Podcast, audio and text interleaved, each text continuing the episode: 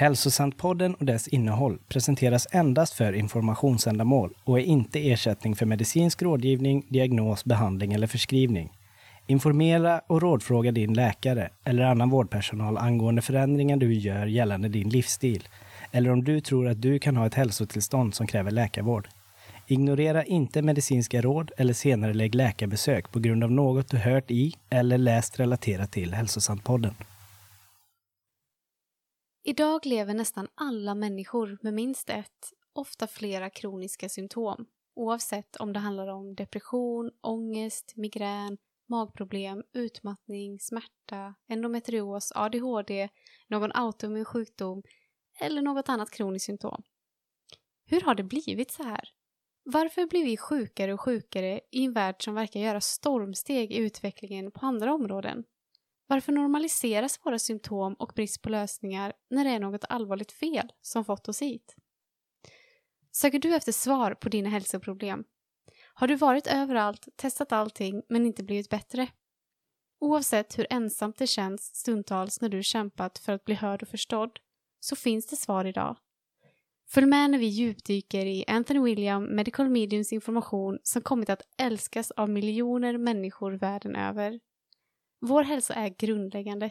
Det är din födslorätt att få leva ett friskt och bra liv. Jag och hundratusentals med mig har fått våra liv tillbaka och behöver inte söka mer. Jag heter Carolina Johansson, är utbildad sjuksköterska och näringsterapeut och jag vill önska dig, oavsett om du är en van MM-följare eller helt ny, varmt, varmt välkommen hit.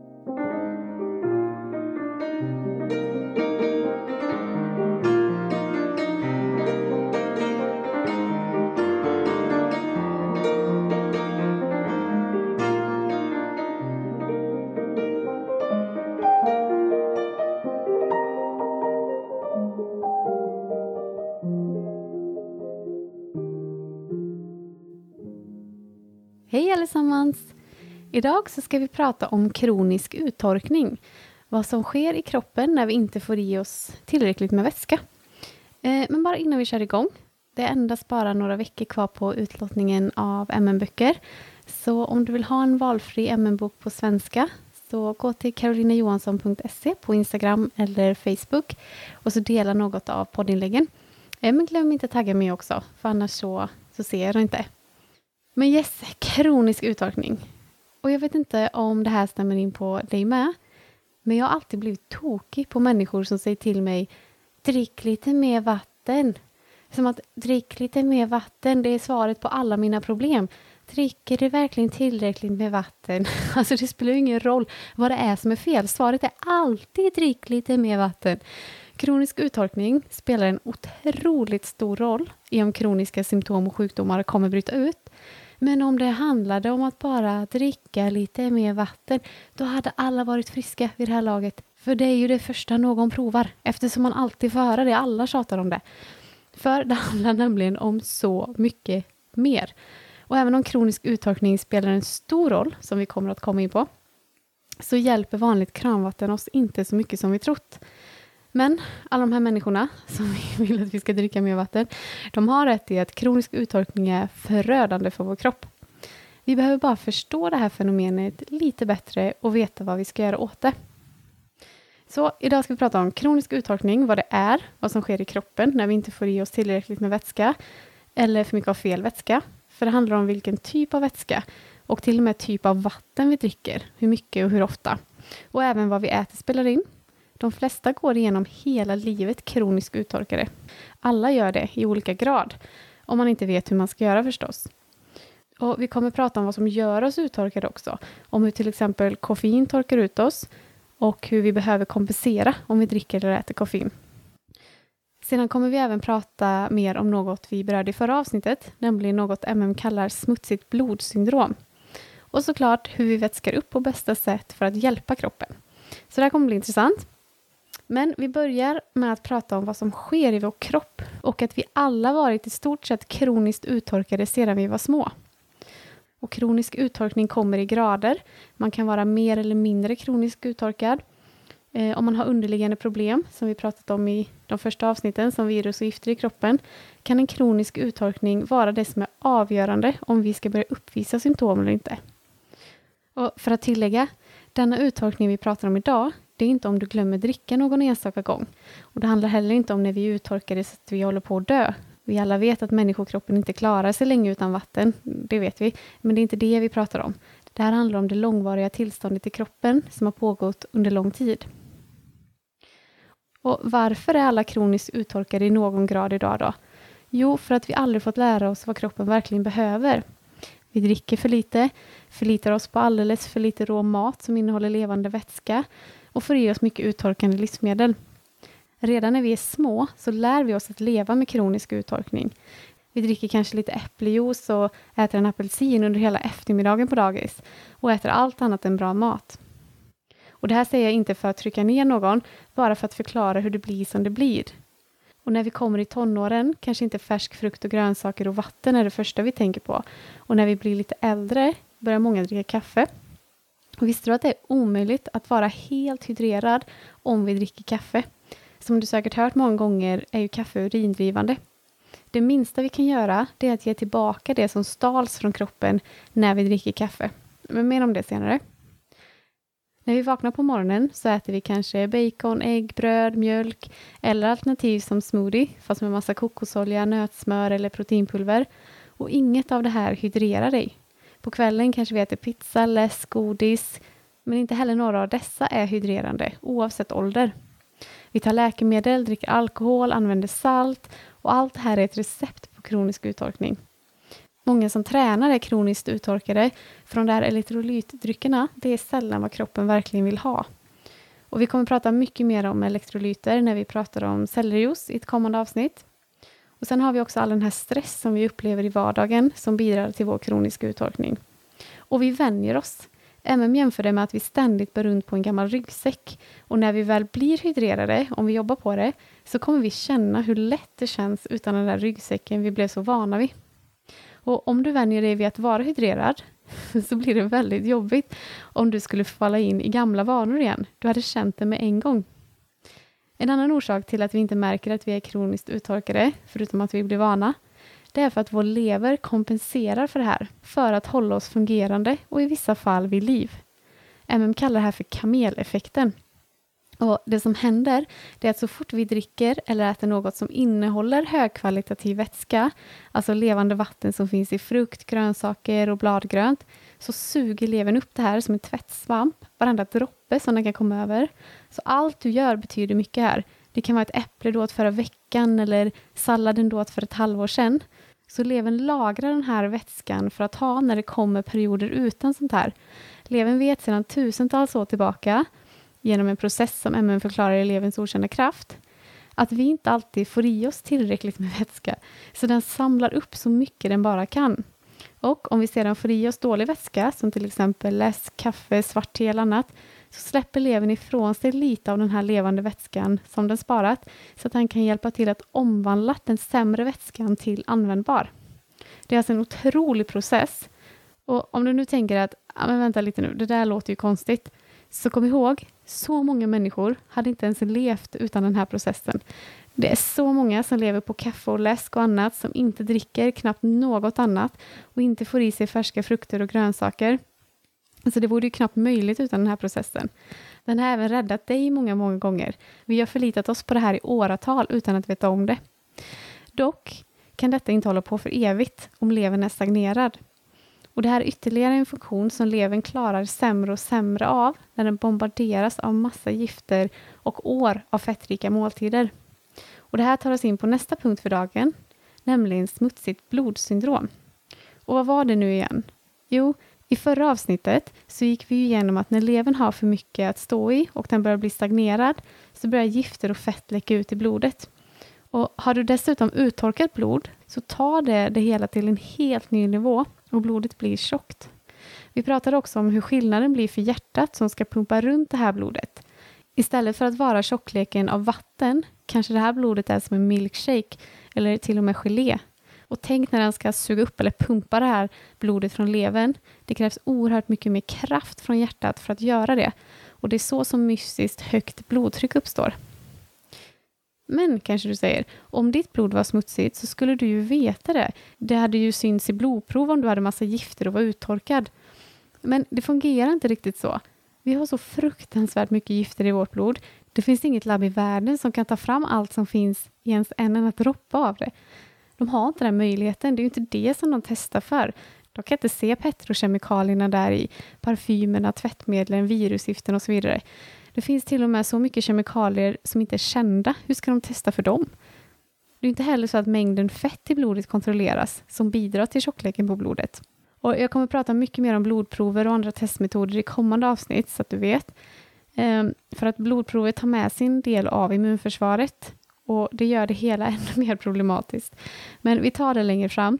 Och undrar du vad tusen jag sa nu och vill veta mer, så lyssna på Anthonys podcastavsnitt som heter Blood Draw, Bloodletting and Vampirism. Det är nummer 18 om jag inte minns fel. Um, Anthony skriver så här i Levens okända kraft på sidan 73. I stort sett alla på vår jord är mer eller mindre kroniskt uttorkade under uppväxten och i det vuxna livet. Kroppen har en fantastisk förmåga att anpassa sig till detta. Eller snarare, ett hårt arbetande organ i kroppen som vi till största delen ignorerar har en fantastisk förmåga att anpassa sig till detta. Inte för att det är lätt för levern att stötta oss genom decennier av uttorkning. En person som är kroniskt uttorkad är ständigt på gränsen till att uppvisa allvarliga och akuta symptom eftersom levern är så nära bristningsgränsen. Om symptomen ska komma till uttryck hänger helt på personens konstitution. Och vad är en bra konstitution? En del säger att det handlar om gener, att någon med svagare konstitution hade otur i genlotteriet och den som fick en stabil hälsa hade tur. Men det är inte så det funkar. Ett sådant synsätt distraherar oss bara från det som en bra konstitution verkligen bygger på. Färre gifter i kroppen ger starkare organ och skapar färre svaga punkter och hälsoproblem. En svag konstitution beror på mer gifter i kroppen som gör att organen får kämpa hårdare, vilket ger fler svaga punkter och hälsoproblem. Om någon har ett upplag av gifter i kroppen och en eller flera milda virus eller bakterieinfektioner så kommer kronisk uttorkning att utgöra en större belastning för kroppen. Det blir då lättare att överskrida den gräns där kronisk uttorkning plötsligt får livsavgörande konsekvenser. Om du till exempel dras med mild streptokockinfektion, som du kanske inte ens vet att du har, kan kronisk uttorkning vara det som avgör om du mår bra eller får urinvägsinfektion, bihåleinflammation, gastrit, vagel, SIBO eller ett utbrott av akne. Läkarvärlden är fortfarande ovetande om att väldigt många bär på kroniska streptokockinfektioner och att dessa åkommor hör samman med streptokocker. Om du har en mild virusinfektion, som du kanske inte heller vet om att du har, kan kronisk uttorkning också vara avgörande för om livet fortsätter som vanligt eller om du plötsligt drabbas av allvarlig utmattning, värk, smärta, tinnitus, yrsel, stickningar, domningar, svindel, förvirring eller hjärtklappning. Varför ska du oroa dig för kronisk uttorkning om du mår bra? Om det inte konstaterats att du har leverbesvär, mild virus eller bakterieinfektion, allergier, migrän eller några av de många symptom och åkommor som kan förvärras av uttorkning, varför ska du då bry dig? För det första kan det hända att du inte vet om att du har problem. Medicinska tester kan ännu inte upptäcka allt som finns under ytan. För det andra är det när vi inte tar hand om oss som kronisk uttorkning till slut får oss på fall. Det är halmstrået som får lasset att tippa och som orsakar en stroke vid 65 års ålder då blodet blir för tjockt och förorenat av allt för lite vätska under allt för många decennier. Det är droppen i bägaren som orsakar en hjärtinfarkt även om du motionerat hela livet. Du mådde bra, åkte på kryssningar, spelade golf, roade dig, jobbade hårt, lyckades livet. Men i slutändan besegrades du ändå av en stroke eller hjärtinfarkt. Den kroniska uttorkningen stod som segrare. Men vi får inte låta den vinna över oss. Slut på citat. Det vi pratar om här, det är alltså något i stort sett alla går omkring med i olika grad. Och det smutsiga blodsyndromet kan ge många problem. Till exempel energiproblem, och nu talar vi inte om utmattning, alltså varken neurologisk, kronisk eller binjurutmattning, inte ens mild utmattning, utan det här är den sortens energiproblem som man inte söker läkare för eller som inte hindrar en i vardagen. Men man känner sig tröttare av sådant som man klarade bra tidigare. Och det här är ett av de första tecknen på att levern inte är i prima tillstånd, när blodet blir smutsigt och hjärtat tvingas pumpa hårdare. Och I det här fallet kan i stort sett vilken diet du än provar få dig att känna dig bättre för att den städar upp lite och gör det lite lättare för kroppen. Sen kan man även få mörka ringar under ögonen. Och Det här är väldigt intressant. Mörka ringar runt ögonen som inte beror på att du har sovit dåligt, varit ute och festat, tröttat ut dig totalt och så vidare. Det beror på en stagnerad, uttorkad lever som ger smutsigt blod. För där under ögonen så är huden som allra tunnast och därför ser vi effekten tydligast där. Och detta är oavsett ålder och har inte med gener att göra. Som vi sagt tidigare kan man ärva olika gifter och annat som ger upphov till samma sjukdomar, men det beror inte på gener. Och om man nu inte har mörka ringar under ögonen så betyder inte det att man inte har smutsigt blod. För olika gifter ger upphov till det här och andra inte. Men om du har det så beror det på att smutsigt blod flyter omkring. Och beroende på hur uttorkad du är så avgör det hur framträdande de mörka ringarna är. Andra tillstånd som orsakas av smutsigt blod det är Reinhards sjukdom, alltså de här vita fingrar, gikt, åderbråck, inflammation, fettlever och problem med sömnen. Även diabetes, mystiskt högt kolesterol, hjärtklappning och humörsvängningar. Går du för länge med tjockt blod så kan det ge upphov till stroke, TIA, hjärtinfarkt, njurproblem och så vidare. Men kom ihåg att i stort sett vilket tillstånd som helst kan blossa upp eller bli sämre på grund av smutsigt blod. Och patogener, som vi pratat om i tidigare avsnitt, det ligger bakom de flesta kroniska sjukdomar och alla autoimmuna sjukdomar. De här älskar när blodet är uttorkat och tjockt och innehåller massa gifter. Och något att tänka på ytterligare, det är att alla neurologiska problem, alltså kroniskt trötthetssyndrom, neurologisk borrelia, fibro, hjärndimma eller vilka neurologiska symptom som helst, så är det svårt för nervsystemet att få det glukos och mineralsalter som den behöver om blodet är tjockt. Och har du problem med panikattacker, ångest och depression så kan det förvärras avsevärt endast av att du är uttorkad. Så hur ska vi då vätska upp på bästa sätt och hjälpa kroppen? Ja, för att svara på det så behöver vi gå lite djupare in på vad som faktiskt torkar ut oss. För en orsak till uttorkning, det är faktiskt att vi föds med det. Vi har varit kroniskt uttorkade i generationer och det har förts vidare till oss. Och det är ju såklart inget vi kan hjälpa, men vi kan jobba upp det så att vi inte behöver föra vidare ytterligare. Och vi har varit inne kort på de flesta andra orsaker innan, men koffein, det suger ut vätskan djupt ur våra celler. Och om vi endast bara dricker en kopp om dagen så är det ändå svårt att hålla sig helt hydrerad. Vi kommer ha ett helt avsnitt där vi enbart pratar om koffein. Eh, men till dess, om du väljer att inte ha koffein, oavsett om det är i form av kaffe, choklad, matcha eller svart te, så vet att du kommer att behöva jobba lite extra med den här biten. Och detsamma gäller om du dricker alkohol och läsk. Salt är något annat som torkar ut oss. Och faktiskt, om vi inte aktivt jobbar med att rena kroppen från allt salt som vi ätit under livet, så finns mycket av det kvar i våra organ. Vi behöver natrium, absolut, men i den formen som finns i selleri, spenat, tomat och så vidare. Och salt gömmer sig väldigt mycket, speciellt färdigmat. Så om du kan, försök minska saltet när du äter. Och om du ändå vill ha lite salt, försök hålla dig till bättre kvalitet, såsom Himalayasalt och havssalt.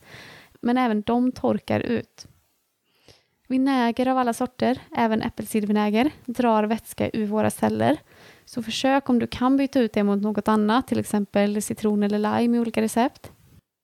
En annan orsak till uttorkning det är all tillagad mat vi äter. För vi behöver rå mat som innehåller vätska. När man äter tillagad mat så måste kroppen ta vätska från olika delar av kroppen för att bryta ner den. Och Det här betyder inte att tillagad mat är dålig, absolut inte. Vi behöver bara se till att vi får i oss mycket råmat också, så att det inte bara blir tillagad mat. Och Det mest snälla sättet att tillaga mat på det är att ångkoka grönsaker. Men det är ingen fara om det inte fungerar för dig just nu. Försök att se till att äta en sallad med råa bladgrönsaker, tomater, gurka och så vidare tillsammans med din tillagade mat så mycket det går. Eller att på andra sätt få i dig mer råa frukter och grönsaker under dagen.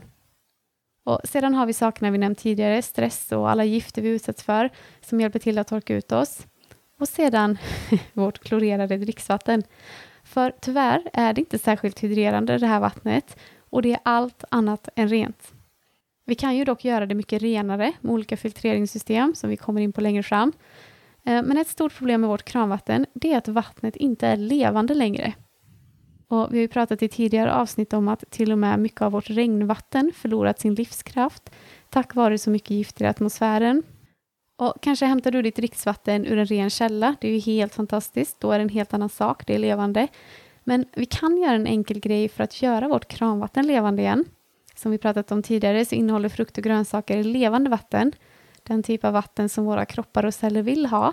Så förutom att äta mycket av den maten i våra liv kan vi även pressa till exempel citron eller lime i vårt kranvatten för att göra det levande igen. Och det här är något som MN pratat om i decennier och det är därför han rekommenderar 5 deciliter till 1 liter med citron eller limevatten direkt när man vaknar på morgonen. Dels för att flusha ut alla gifter ur kroppen som levern samlat ihop under natten, men också för att hydrera oss inför dagen. Så när du tänkt dricka lite vatten, ta för vana att lägga i lite färsk citron eller lime i det. För det levande vattnet i limen eller citronen gör även det andra vattnet levande igen. En annan väldigt hydrerande dryck det är gurkjuice. Och ren gurkjuice, inget annat i. Och jag tror att många håller med, som gjort MM ett tag, att vetskapen om att bara dricka ren gurkjuice endast, det är så guld värt och det är en riktigt stor favorit hos många. Och det kanske inte låter så märkvärdigt, men prova, tom mage ett tag och se. Minst 5 deciliter. Det är absolut en av mina favoriter. Och det är även fantastiskt om man har feber. Kokosvatten är väldigt hydrerande och som sagt, alla råa grönsaker och frukter. Försök få in mer i ditt liv på olika sätt. Kanske en smoothie på bär, dadlar och banan. behöver inte vara svårare än så. Eller banan, mango och en påse spenat. Båda de här smoothierna det är recept från MM och några av mina favoriter. Du kan försöka äta mer av vattenrika råvaror som melon, äpple, gurka, selleri, vindruvor, apelsiner, bär, päron, körsbär, aprikoser, persikor, nektariner och papaya och så vidare. Och får du panik nu över att jag räknar upp förbjuden frukt med massa socker i, oroa dig inte. Nästa avsnitt ska vi prata om allt som har med frukträdsla att göra. Selleriost, det är ju fantastiskt. Vilket, som sagt, vi kommer ha ett helt avsnitt om det eh, väldigt snart. Men även andra frukt och grönsaksjuicer är väldigt bra. Apelsinjuice, äpplejuice, äpple och gurkjuice och så vidare. Eh, MM har delat otroligt intressant information om vattnet som finns i de här fyra heliga, alltså frukt, grönsaker, örter och kryddor och vildmat. För de innehåller nämligen två olika sorters vatten. Och vi har pratat i tidigare avsnitt om hur den här maten stöttar oss både kroppsligt, känslomässigt, mentalt och andligt. Och det här är ytterligare ett exempel på det. De här två olika sorterna vatten kallar MN för hydrobiaktivt vatten och kofaktorvatten. Och dessa vatten finns sida vid sida, endast åtskilda på cellnivå. Och det här jämför MN med vårt blod och lymfa. De är åtskilda men ändå en enhet. Så fort vi biter eller skär i till exempel ett äpple så blandas det här vattnet. Så därför är det väldigt svårt att studera det. Men i våra kroppar så gör vattnet olika saker. Båda sorterna innehåller viktiga näringsämnen, men det hydrobiaktiva vattnet främjar din fysiska hälsa. Det återfuktar våra celler, ger näring till vårt blod och förser dig med energi. Det hydrerar oss otroligt mycket bättre än bara alltså ett glas med rent vatten. Så därför är det så viktigt att lägga i citron eller lime i vårt dricksvatten för att hjälpa oss mer. Och kan du inte hantera citron eller lime just nu så lägg i lite gurka eller rå honung för att få den effekten också. Kofaktorvattnet däremot, det innehåller information som stöttar oss andligt, känslomässigt och själsligt. Allt är ju lika viktigt, vår själsliga hälsa som vår kroppsliga. Så två sorters vatten i de fyra heliga, men de gör olika saker. Och en sak som jag vill ta upp, MM rekommenderar mycket örtteer och de är inte uttorkande som svart, vitt och grönt te, men de är inte heller hydrerande. Och du kan göra det mer hydrerande genom att tillsätta färska eller torkade örter eh, till vanligt vatten, alltså inte kokande. Och så låter du det dra i några timmar eller till och med över natten. Eh, och sen kan du pressa i citron i det. Men oroa dig inte för att dricka örtteer, för att de är inte uttorkande och de ger så otroligt mycket andra fördelar. Och har du gjort en kopp te så kan du också tillsätta citron i det för att också få det mer hydrerande. En fråga som många ställer sig är hur mycket vatten behöver vi dricka varje dag? Och Det är ganska svårt att säga för det beror helt på hur ditt liv ser ut och vad du äter. Dricker och äter du mycket färskpressade fruktjuicer och fruktsmoothies varje dag? Dricker du sellerijuice? Eller lever du mestadels på tillagad mat? Dricker du kaffe? Äter mycket salt? Har mycket stress i livet? Alla gör ju på lite olika sätt och har olika förutsättningar. MM har gett oss lite riktlinjer om man till exempel äter mycket tillagad mat, dricker kaffe och inte får i sig mycket grönsaker och frukt. då rekommenderar han minst två liter citronvatten, minst. Och för andra som får i sig mer hydrerande råvaror som juicer, smoothies, frukt och så vidare, så är en liter minst. MM har sagt att han själv försöker få in två liter citronvatten varje dag utöver sin selljuice, gurkjuice och kanske en liter apelsinjuice och allt annat han äter. Men alla är ju på olika plats och är du i början av denna resa så bli inte stressad av detta. Så ta det i din takt. I början kan det vara svårt att börja dricka mycket mer, eh, speciellt om man känner att man inte tycker, tycker om det. Eh, men det kommer att ändras snart, men börja, börja sakta. Kanske är det lättare med kokosvatten, kanske kan du äta fler äpplen, lite mer melon. Ta det lugnt, jobba dig uppåt. Allt du gör, ta dig framåt och glöm verkligen inte det. Eh, hur ofta vi kissar kan faktiskt ge en fingervisning på hur uttorkade vi är. Håll i det nu. Vi bör kissa minst en gång i timmen. Kissar man mindre än det så behöver vi göra något. Personer som börjar med MMs rekommendationer kan berätta hur det är att behöva kissa så ofta. Och Det är så roligt, vi är så ovana vid att vara hydrerade i hur ofta vi behöver kissa. Det är helt galet. Jag förstår fullt ut att det här kan bli ett problem för vissa människor, men gör så gott du kan. Och jag lovar, man vänjer sig.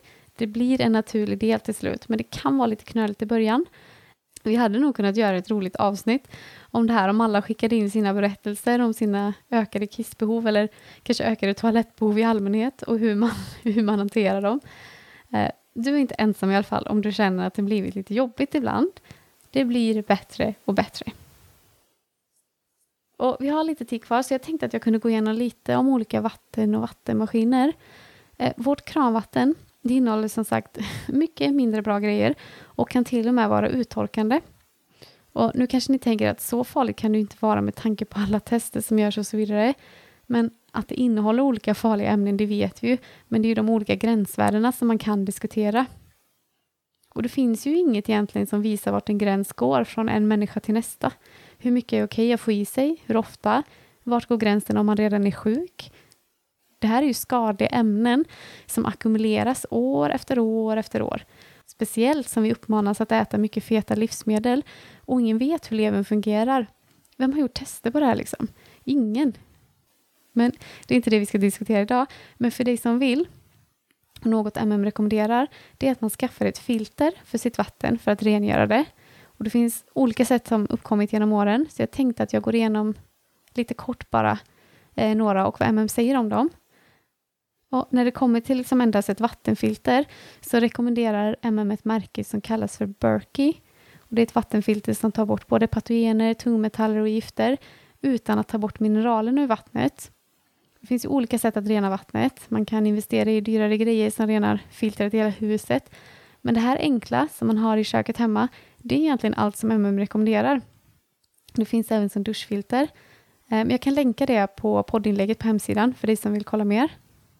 Och sedan finns det ju RO, omvänd osmos.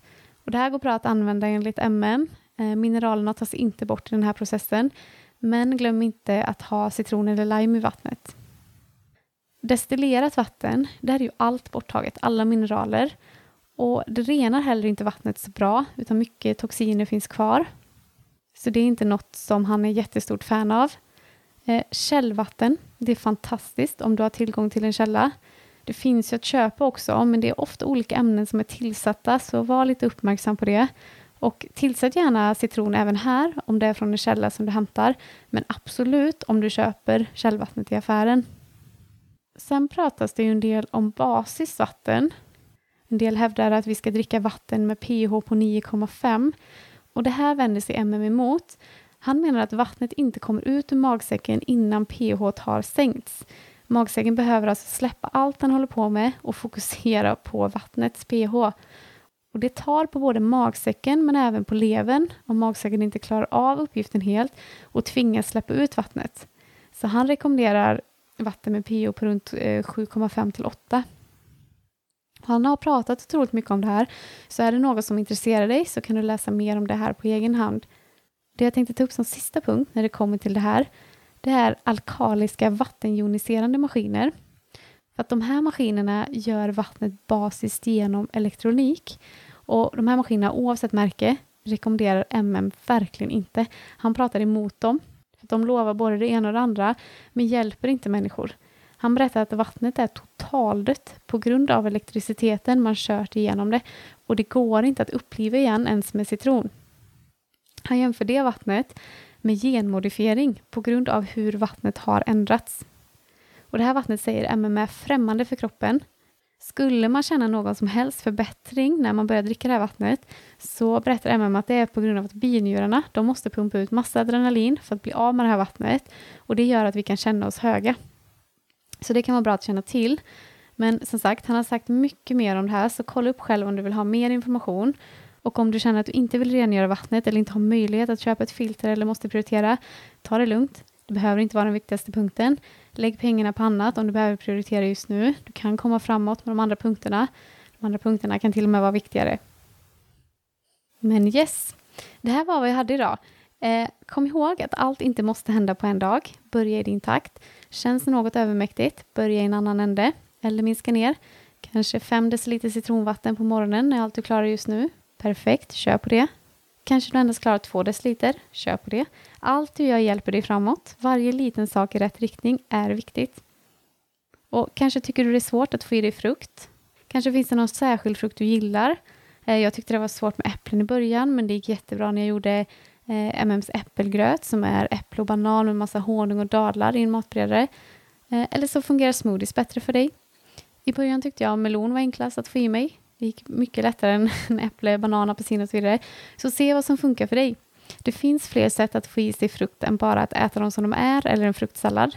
Oavsett hur bra de sätten är. Men titta i böckerna, på recepten, titta på hemsidan. Vad fungerar för dig just nu? Det häftiga med allt det här är att våra smaklökar ändras och det blir bara lättare och lättare med tiden. Men för att sammanfatta avsnittet lite bara. Smutsigt tjockt blod, det har vi alla gått runt med i olika grad sedan vi var små. Och det är viktigt att vi börjar få det mer lättflytande eftersom smutsigt blod kan vara det som får bägaren att rinna över i kroppen och få i stort sett vilket symptom som helst att ge sig till känna. Smutsigt blod innehåller gifter och fett och alldeles för lite av den vätskan som livnär våra celler. Så vi underlättar enormt för vårt hjärta, vår hjärna och lever genom att börja arbeta med det här för alla organ i kroppen.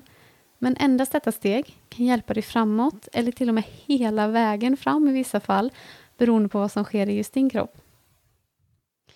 Som avslutning så tänkte jag läsa några rader från Levens okända kraft, sidan 82. Och innan dess så vill jag önska dig allt gott tills vi hörs igen. På Irland finns en känd läkande källa. Folk har vallfärdat dit i hundratals år för att hämta vatten. Ett högaktivt levande vatten i sin mest kraftfulla form. Den har en oerhört jordande effekt och en neutraliserande laddning. Om någon hade slängt skräp i brunnen hade vattnet till en början varit så kraftfullt att det hade kunnat neutralisera avfallet. Men ju mer sopor och giftiga kemikalier man hade kastat i, desto sämre hade neutraliseringsförmågan blivit tills den slutligen hade försvunnit helt. Det skulle fortfarande funnits vatten i brunnen, men det skulle varit dött på ett vis som varken går att mäta eller förklara eftersom det i ursprungsläget aldrig gick att mäta eller förklara det läkande mysteriet. Vi måste undvika att vårt blodflöde dör på det viset och det gör vi genom att stärka elevens läkande, jordande och neutraliserande mirakel. Att undvika förgiftning startar med kunskap om hur man motverkar smutsigt, förorenat blod. Detta är en av dina viktigaste insatser.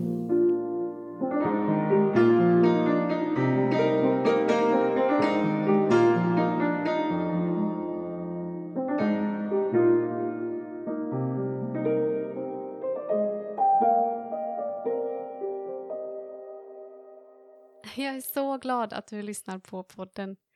Om du vill ha hjälp med att komma vidare, gå till karolinajohansson.se där du hittar information om hur vi kan arbeta tillsammans för att du ska nå i mål. Jag vet hur det är att leva i ett helvete och inte komma loss. Att vara ensam i sitt lidande och inte bli förstådd. Det går att ta sig ur det. Inte bara jag utan hundratusentals människor har redan gjort det. Så låt mig visa dig hur du kan komma dit med. På carolinajohansson.se hittar du även en blogg med översatta artiklar från Anthonys hemsida så att du lättare kan läsa och dela med andra. Jag har väntat på den här informationen i över 30 år och jag ser den som ett rent mirakel. Jag hoppas att jag kunnat förmedla hopp och kunskap till dig. I välmående, vi hörs nästa gång.